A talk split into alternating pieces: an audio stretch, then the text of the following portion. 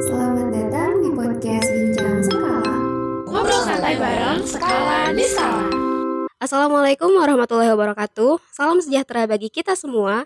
Shalom, Om Swastiastu, Namo Buddhaya, Salam Kebajikan. Halo Bung dan Nona yang masih setia mendengarkan podcast Bincang Skala. Gimana kabarnya nih di bulan Oktober yang sebentar lagi mau UTS? Semoga masih dalam keadaan sehat ya.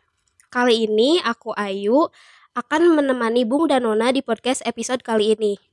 Tentunya aku nggak sendirian karena aku udah bawa partner aku yaitu Bung Faris Zulkaizi atau Cukong. Halo warga Sekala.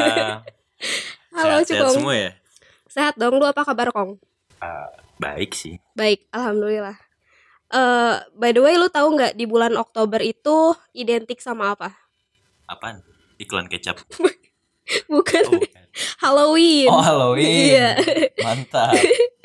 Udah kerasa nggak sih vibes vibes uh, Oktobernya gitu? Kayak serem-serem gitu gitu loh. Kayak kosan lu.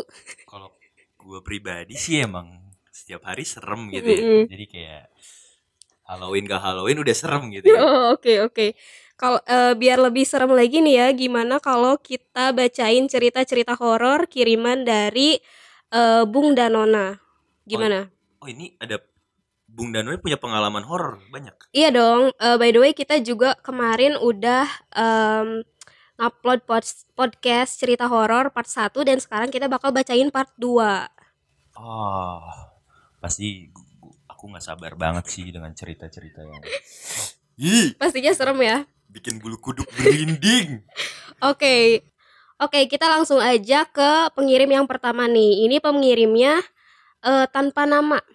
Dan ceritanya aku bacain ya. Jadi aku punya cerita pas sekolah dulu di SMA pas acara pramuka nginep di sekolah. Jadi pas pramuka itu kita tidur di kelas sesuai kelompoknya gitu. Waktu sekitar tengah malam, anak-anak disuruh tidur sama kakak pramukanya. Tapi aku sama temen sebelah aku belum bisa tidur dan kita main HP gitu berdua. Terus tiba-tiba ada yang buka pintu kelas gitu. Nah, karena takutnya yang buka kakak pramukanya, akhirnya kita pura-pura tidur. Tapi setelah 30 menitan aku sama teman aku udah gak ngobrol-ngobrol lagi dan posisi tidur kita berlawanan. Dia ngehadap ke kiri, aku ke kanan. Pas aku udah mau tidur banget udah merem, tiba-tiba ada yang bilang halo. Persis banget di kuping aku dan suaranya lembut banget. Terus aku melek, abis itu merem lagi. Dan dia bilang halo lagi sampai tiga kali, terus bilang, iya kamu tidur ya. Aku langsung pura-pura tidur sambil deg-degan plus baca surat-surat. Aku panik karena belakang aku udah mentok meja gitu dan kiri kanan aku tuh temen aku yang udah pada tidur. Terus jam 2 pagi pada bangun dan aku tanya ke teman sebelah aku yang aku kira dia belum tidur, tapi dia gak denger apa-apa. Dan besoknya kakak pramukanya nanya, siapa aja yang digangguin tengah malam. Terus aku ceritain kejadian malam itu. Dan kakak pramukanya bilang pas tengah malam itu lagi dipasang bunga menyan di sekeliling tangga. Jadi wajar kalau ada yang diganggu. Gimana? Serem gak? Serem banget sih gila. Serem Bayangin banget ya. Kayak, kayak lu mau tidur tiba-tiba ada ada empompo kan tadi. Kenapa om-pompo? Bukan, Oh bukan. ada yang bilang halo. Ya, itu POV empompo. gitu kan. Halo. Tapi eh, di acara-acara kayak gitu biasanya emang jadi serem gitu ya. Iya, soalnya soalnya dia memberikan energi Negatif. positif Oh, oke. buat setan. Oke. Jadi negatif buat manusia, positif untuk setan. Oke. Terus nih ada hikmahnya katanya dari pengirimnya. Hikmahnya adalah kalau disuruh tidur dan udah jam tidur mending langsung tidur aja deh. Bener sih. Benar sih. Kalau udah jam waktunya tidur harus tidur. Iya. Kalau nggak tidur begadang. Oke, kita lanjut ke cerita yang kedua. Ada cerita apa nih? Hmm, kalau di sini ada pengirim namanya calon istrinya Nja. Ja. Nja, oke. Yang belum tahu Nja, saya juga belum tahu. Iya sama. Saya belum Nja. Nja. Ini kejadiannya udah lama sih. Waktu itu aku anak SMK awal-awal kayaknya. Jadi waktu itu aku nginep di tempat nenek bibi gitu. Nah aku karena aku masih sekolah, jadi banyak tugas kan malam tuh, sekitar jam 10-an. Kalau nggak salah, inget semua orang tuh udah tidur kecuali aku. Ya kira-kira aku kelar nugas jam segitulah. Abis nugas aku tuh buka IG buat foto gitu dan nyobain filter IG gitu kan. Tapi pas aku lagi milih-milih filter di layar HP ku muncul sosok Mrs. K. Aku kaget dong. Gak bisa ngomong atau gerak cuma bisa ngejepin mata berulang kali buat mastiin bener apa enggak ya yang aku lihat lalu aku nengok ke belakang aku juga nggak berani ya takutnya pas nengok mukanya Mrs. K langsung nempatin berhadapan sama aku wih serem Udah. Udah Nih. Tapi tapi gue juga pernah tahu lagi mainan filter terus tiba-tiba di belakang tuh ada si filternya tuh ke belakang gue gitu loh, padahal Hmm. gak ada orang. jadi eh, biasanya emang teknologi semakin maju dan setan kepo gitu dan menemukan filter-filter baru Iya. yang menemukan setan itu Iya, siapa tahu jadi cantik ya. wow serem sih Iya. gue gue gue juga pernah waktu itu nyobain filter gitu kan filter badut gue kaget sendiri Ternyata muka, Muka lu. Oke. Hmm, hikmahnya dari cerita tadi walaupun tadi cerita ini eh, POV-nya pihak pertama gitu Iya. jadi seru banget tuh nggak ada sih katanya hikmahnya paling kalau abis nugas malam nggak usah lah sok-sokan pakai ngaca atau foto apalagi kalau ke tempat Angker. Rumah lu angker apa gimana sih calon istrinya aja angker banget rumahnya Oke, lanjut lanjut lanjut ke eh, cerita ketiga ya. Ini pengirimnya namanya Niskala. Lumayan panjang nih guys. Oke. Dulu pas masih SMP tuh ada program Mabit atau Malam Bina Iman Takwa tiap seminggu sekali. Satu waktu ketika aku Mabit, sejak sore perasaan emang udah gak nyaman. Gak ada hal aneh yang terjadi sampai jam 9 malam. Sampai akhirnya Sampai akhirnya karena kelas aku berisik, selalu ada guru dan OSIS yang ngingetin beberapa menit sekali. Kita semua gak nyadar siapa yang ngingetin, entah itu OSIS atau guru. Dan ia masih ajak berisik. Saat sudah lewat jam 10, suasana menjadi mencekam meskipun kami sekelas masih saja berisik. Saat itu ada satu orang yang tampak marah, dan aku sedikit meragukan itu sosok manusia atau bukan.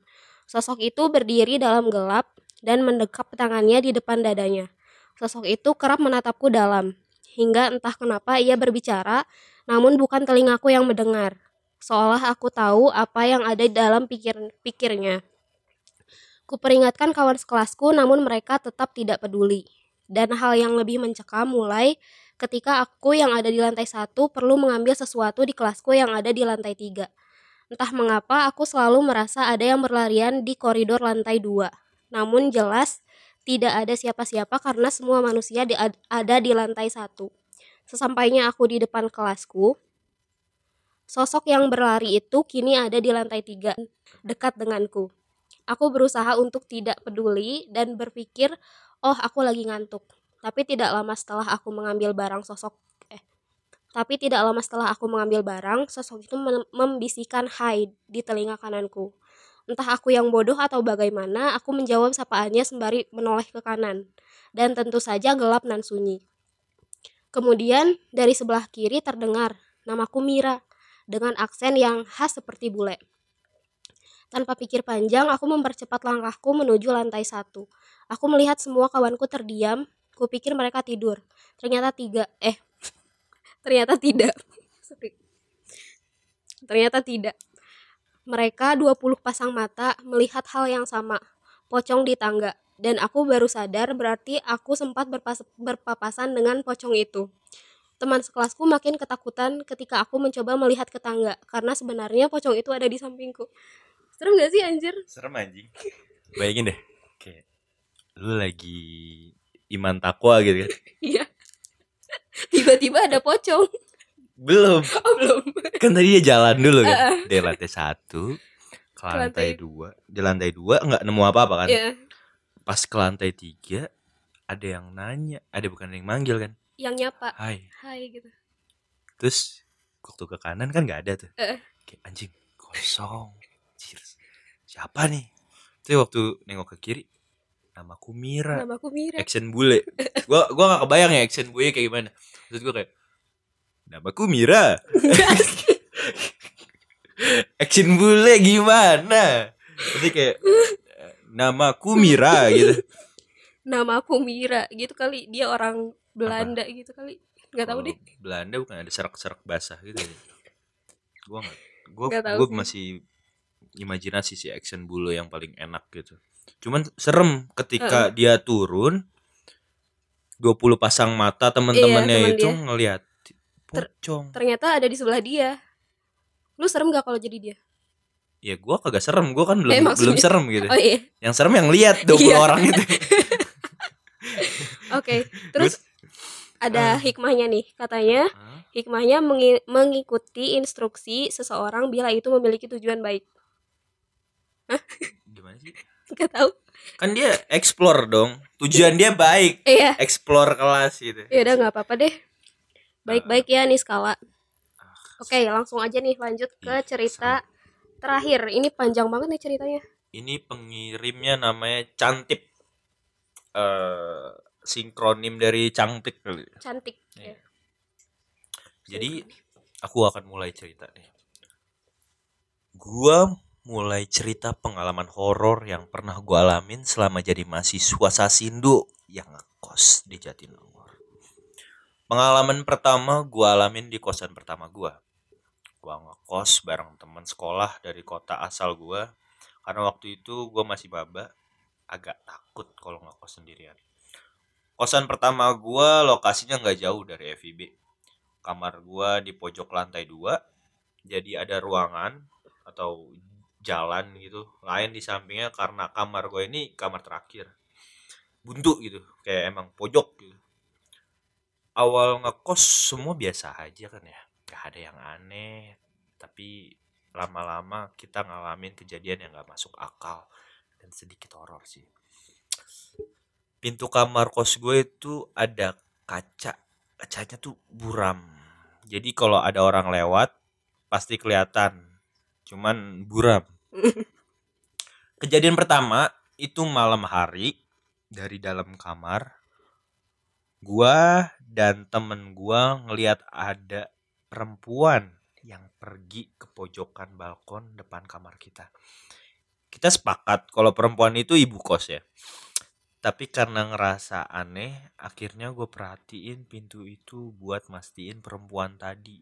Beneran ibu kos perempuan itu nggak balik-balik selama beberapa menit akhirnya gue keluar buat ngeliat pas buka pintu ternyata nggak ada siapa-siapa padahal gue yakin perempuan itu belum balik dan nggak ada jalan lain buat keluar selain muter balik Besoknya gua tanya ke ibu kos tentang kejadian semalam dan ternyata itu bukan dia.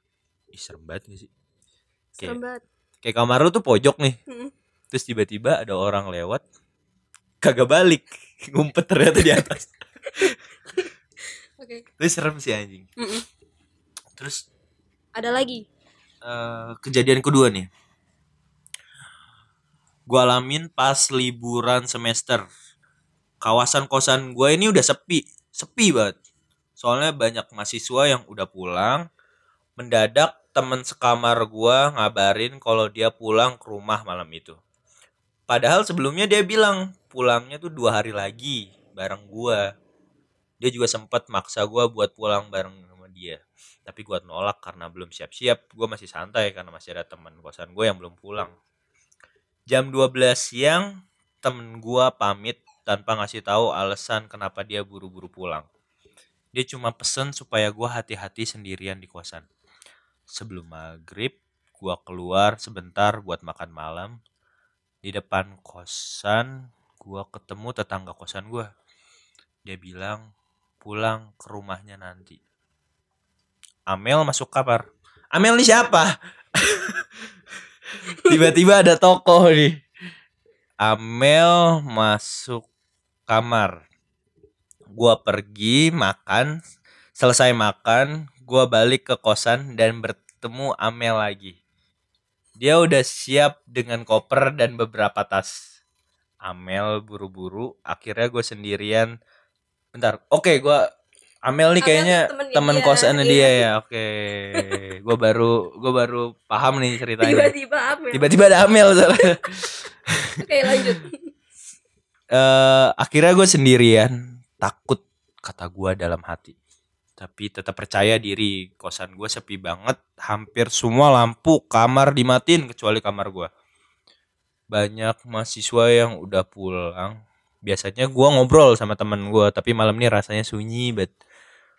Tapi mau nggak mau ya gua harus nunggu dua hari lagi sampai tante dan om gue jemput. Suhu kamar gua mendadak lebih dingin dari biasanya dan gua ngerasa sumpek di dalam kamar perasaan gua udah nggak enak. Pengen cepet-cepet sholat terus tidur setelah azan. Gue siap-siap buat sholat baru Allahu Akbar gue dikagetkan dengan kedatangan makmum. Oh berarti setannya Islam. Tak diundang tiba-tiba ada yang ikutan. Allahu Akbar. Dan komat kamit di kuping kiri gue jorok juga ya. Nggak jorok aja Maksudnya kayak lu lagi sholat kan Heeh. terus ada yang nempel di kuping Oh, lu gitu di kuping kiri gue kaki gue lemes banget rasanya. Pengen pingsan merinding tapi gu- gua tetap lanjut. Sholat dan nganggap kejadian tadi cuma halusinasi. Siap. Selesai sholat gue cuma bisa nangis sambil berusaha ngubungin orang tua. Akhirnya gue memutuskan buat pulang besok. Malam itu gue ngerasa waktu berjalan lambat banget. Gue berusaha tidur tapi nggak bisa. Akhirnya gue buka HP buat baca-baca chat. Ada chat dari temen sekamar gue. Dia ngabarin kalau dia udah sampai dan dia ngasih tahu gue alasan kenapa dia baru pulang ke rumahnya. Siang tadi dia bilang kemarin gue ngeliat pocong di depan kamar kita. Gue pengen ngomong sama lu tapi gue takut. Hmm, Amel nih emang ada-ada aja. Semoga lu baca terus cepet-cepet balik ya. Gua nggak tahu siapa yang salah. Dia yang nggak ngasih tahu lebih awal atau gua yang baca chat semalam-malam rasanya campur aduk. Jadi si Cangtip ini sial banget. Iya sial banget. Terus eh eh gue jarang oke nih. Gue jarang ngalamin hal-hal kayak gini. Gue juga nggak percaya hantu semacam pocong kuntilanak genderuwo dan lain-lain lah itu. Tapi lumayan takut. Gue cuma bisa bengong sampai tiba-tiba lampu kamar gue mati biasanya gue tidur jam 9 malam tapi malam itu ngantuk pun enggak. Gue tarik selimut dan gue gak berhenti sam baca doa sampai pagi. Busetnya orang kagak tidur sedih banget. Paginya gue langsung cabut dari kosan buat pulang sendiri naik bus. Gila. Berani banget sih cantik cerita kedua nih ada ada Eh, lagi ada, ada lagi. lagi ada lagi. Cerita kedua gue alamin di kosan kedua oh ini orang Oh, setannya dia pindah ngikutin kosan. Dia pindah kosan nih pindah kosan Siap, ada siap. lagi Ada lagi. Anda pikir sempit dunia setan ini? gue dapet kosan di daerah yang jaraknya lumayan deket ke kampus. Kosan gue di lantai tiga, kamar pertama dan cuma ada tiga kamar. Setelah pindah dari kosan lama ke kosan baru, gue nggak langsung nempatin kamar gue ini karena pas liburan semester, selesai liburan, gue balik ke Jatinangor. Setelah sampai kosan, gue langsung tidur di kasur karena kecapean. Gue minum satu botol air mineral yang ada di samping kasur gue. Pas abis, gue lempar botol tadi ke kasur. Dari kasur ke tong sampah yang ada di pojok kamar. Botolnya nggak masuk ke tong sampah. Kagak masuk tuh. Bukan anak basket nih orang. Gue lihat botol itu cuma jatuh di samping tong sampah. Karena terlanjur mager, akhirnya gue diemin tuh botolnya didiemin sama dia tapi beberapa menit kemudian botolnya berdiri dan geser jalan ke arah gue Astagfirullah kaget Iya. Kata Kaget, dia. kata dia. Dia astagfirullah nyebut dia tadi. Kaget banget. Dan langsung bangun dari kasur. Gua buru-buru keluar kosan dan pergi ke kosan temen. Anjing. Lu bayangin. Mending dia lemparnya botol ya. Iya. Kalau motor jalan sendiri serem juga. Ngapain juga dia lempar motor. Gabut aja gitu. Ada lagi. Eh, Ada lagi nih. Ada lagi. Kejadian kedua gue alamin sore-sore sebelum maghrib. Kita nggak tahu tuh maghrib yang kapan dah. Gua minus dan rabun senja. Ini umur berapa mahasiswa udah rabun senja? Oke lah kalau minus ini rabun senja ini kayak ayam. Sore itu gua ngangkatin jemuran dengan kondisi mata yang udah kabur banget di seberang tempat jemur. Kosan gue. Ada tempat jemuran kosan lain pas gua lagi ngangkat jemuran yang udah kering. Ada ibu-ibu pakai gamis putih lagi berdiri di tempat jemuran kosan lain. Itu gue senyum ke arahnya dan nyapa. Halo bu, Hai Bu gitu. ah gitu ya. Si ibu walaupun gak ngeliat jelas, muka dia nggak ngejawab. Selang beberapa detik, gue lanjutin tuh ngangkat jemuran dan nengok ke ibu tadi.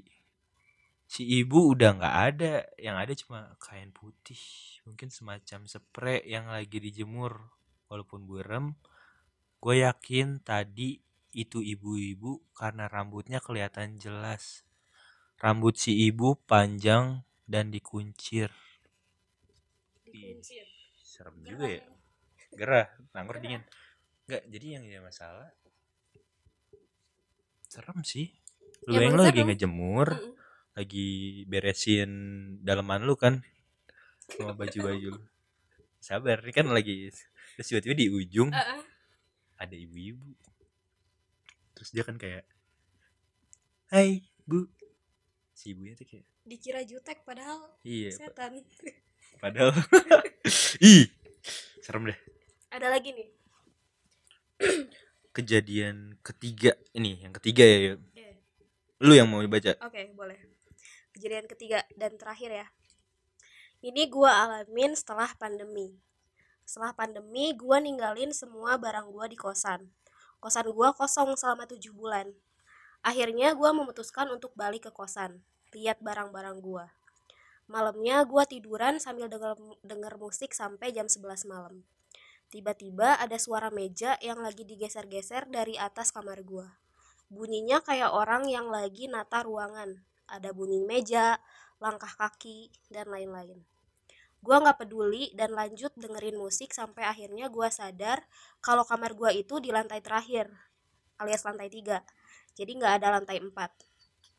Atap gua genteng biasa, bukan ruangan. Gua mulai takut. Suaranya kedengeran lagi. Tapi kali ini dari samping kamar gua. Setelah Teh Ima atau Kamar Teh Ima siapa? Oh, iya. Teh Teh Ima tuh ini eh, tetangga kosan dia. Oke. Mm. Kamar Teh Ima, nama disamarkan ya. Gue lebih tenang sedikit karena gue pikir mungkin Teh Ima lagi beres-beres kosan. Jadi agak berisik. Akhirnya gue bisa tidur. Paginya gue lanjut beres-beres kosan dan nyapu halaman kamar. Gue juga sempat ngetok kamar Teh Ima dan Teh Ara. Ada lagi Teh Ara. Tara, ini siapa lagi nih? Masih tetangga dia. Tidak perkenalan. Langsung aja sebut namanya. Eh, tapi abis diketok nih mereka berdua nggak jawab. Gak lama gue ketemu bapak penjaga kosan, Pak Yayat namanya. Oke. Ini dia dikasih iya. tahu nih, penjaga kos namanya Pak Yayat. Iya. Oke. Eh Neng, kapan sampai? Kata Pak Yayat. Kemarin Pak, maaf gak ngabarin dulu, jawab gua. Karena penasaran, akhirnya gua nanya ke Pak Yayat. Pak, Teh Ima sama Teh Ara ada di kosan kan? Tadi saya ketok gak nyaut, lagi pergi kali ya Pak. Terus kata bapaknya, Ima sama Ara mah udah lulus Neng tahun 2020, udah gak ngekos, kata Pak Yayat. Gue berusaha tenang dan nanya lagi ke Pak Yayat.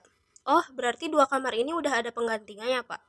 Terus kata Pak Yayat, belum, Neng. Sepi lagi. Eh, sepi lagi pandemi gini. Di lantai tiga tinggal Neng, Neng aja sendirian gitu ya. Itu, Pak. Ya udah, makasih ya, Pak. Saya permisi dulu masuk, kata dia. Seketika badan gue merinding. Gue nggak bisa pulang hari itu karena barang-barang di kosan gue masih berantakan. Akhirnya gue tidur di kosan sehari lagi. Malamnya dari kamar Teh Ima, suara kursi geser kedengeran lagi. Gue takut sekaligus capek. capek ya dia. Ih, Terus eh, kata dia, katanya, buat berhenti, buat berhentiin gitu. Terus suaranya berhenti, diganti sama suara benda yang digores ke dinding. Mungkin semacam suara kuku yang lagi nyakar-nyakar di dinding gue anjir serem banget. Gue bener-bener udah capek dan langsung tidur. Besoknya gue rapiin semua barang gue dan pergi dari kosan itu. Semoga kejadian itu kejadian terakhir yang gue alami di kosan selama kuliah. Amin. Amin ya. serem banget gak sih kayak Kasihan ya si Cantip dia di mana mengalami kejadian.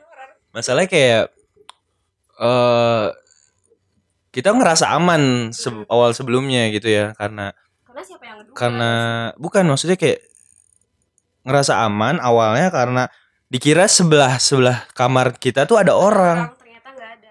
tapi ketika si Pak Yayat tadi bercerita nggak ada orang anjir Seketika merinding sih eh, tapi ada yang lucu nih, bukan lucu sih maksudnya eh, sebuah kebetulan kosan si Cantip ini kosan temen gue yang lain. Jadi kan kalau si Cantip nih eh, di lantai tiga, Heeh. nah kalau temen gue di lantai di lantai dua. Gue pernah Oh. sekali ke kosan temen gue dan eh, iya di kosan si Cantik itu emang serem sih. Dan teman gue tuh di lantai dua cuman berdua, jadi dia di lantai satu eh di lantai tiga sendirian. wah anjing Kalau gue pindah ya, eh tapi dia udah pindah sih sekarang. Si oh dia Cantip. udah pindah si Cangtip Selamat. sehat-sehat belum, ya Cangtip Besok dia balik. Belok balik ke rumah Iya. Semoga kamu aman ya. kayaknya emang kosan kosan di Jatinangor ini tuh emang punya sejarah mistisnya masing-masing gitu ya Apalagi semenjak pandemi kan pastinya pada kosong sepi ya. gitu ya Oke, ini ada hikmahnya nih kata si cantik. Eh si cantik. Hikmahnya gua gua jadi lebih berani buat ngesetin setan. Oke, kalau ada setan karena kebetulan kosan gue juga serem. Iya. Kalau ada setan gue Biar apa? biar takut Oke. setannya. Oke, jadi Hmm. segitu aja nih, Kong. Eh, Heeh. apa cerita-ceritanya Heeh. di apa cerita episode kali ini macam-macam ya. Kira-kira dari semua cerita yang udah dibacain yang menurut lo paling menarik dan bikin merinding yang mana? Kalau gua pribadi itu yang tadi yang si Hai, Oh, yang- namaku Mira. Yang ketiga ya? si Iya, yang ketiga sih. Itu kenapa serem banget? Pada akhirnya gue suka sama si yang ngirim cerita ini karena dia Hmm. berani nge-explore sekolahnya gitu. Padahal dia lagi ada ini kan Bina, iman. binaan iman dan takwa gitu. Mungkin itu bisa jadi apa ya acuan kita untuk menjaga iman, dan Iman. takwa lebih tinggi lagi. Oke. Terus juga pocongnya itu loh. Pocongnya ekstrovert banget anjir. Pede gitu dia unjuk Muncul. unjuk gitu di sebelah depan di 20 20, orang, mata. iya. Maksudnya berarti kan katanya kan setan itu bisa muncul ketika energi dia sangat besar Kuat kan. banget. Berarti kalau bisa sampai dilihat 20 orang, tanda ini setan udah sepuh dong. Mm. Udah emang Kuat sak- banget ya udah. Iya kalau di dunia setan nih biasanya dia aji Arling Dama nih. Sakti banget. bisa nampak gitu anjir. Kalau gue, gue paling suka cerita si Cantip karena banyak banget. Bukan suka sih, kayak serem aja gue Kayak- salut sama si Cantip. Iya sih kayak dia punya episode gitu ya. Iya. Kayak dari kosan ini ini part kosan Iya. itu gitu. Ternyata masih berlanjut kisah horornya. Panjang. Oke nih, ternyata nggak kerasa kita udah lumayan lama ya Duh, banget. nemenin Bung Danona di episode kali ini. Hmm. Tentunya part 2 kali ini seru banget ya. Seru banget ya. Seru, serem dan Banyak eh, banyak hikmahnya juga. Oh iya. Oke deh, eh, makasih buat Cukong atau Bung Faris yang udah nemenin aku bacain cerita-cerita horor kali ini. Sama-sama. Tapi sebelum kita tutup podcast kali ini, aku mau ngingetin untuk pendengar Bincang Skala buat terus pantengin eh, podcast Bincang Skala dan jangan lupa buat follow akun official Gelanggang yaitu @gelanggangku sama eh, Spotify kita di podcast Bincang Skala. Oke deh, uh, sebelum kita tutup gimana kalau kita tagline dulu monggo? Tagline gimana? Gini kalau misalnya uh, gue bilang bincang skala terus ntar kita bareng-bareng uh, ngomong ngobrol santai bareng skala nih skala. Oke? Okay? ayo. Oke okay, satu dua tiga. Bincang skala. Ngobrol, ngobrol santai bareng, bareng skala nih skala. okay, yeay. Jangan lupa didengar. Bye,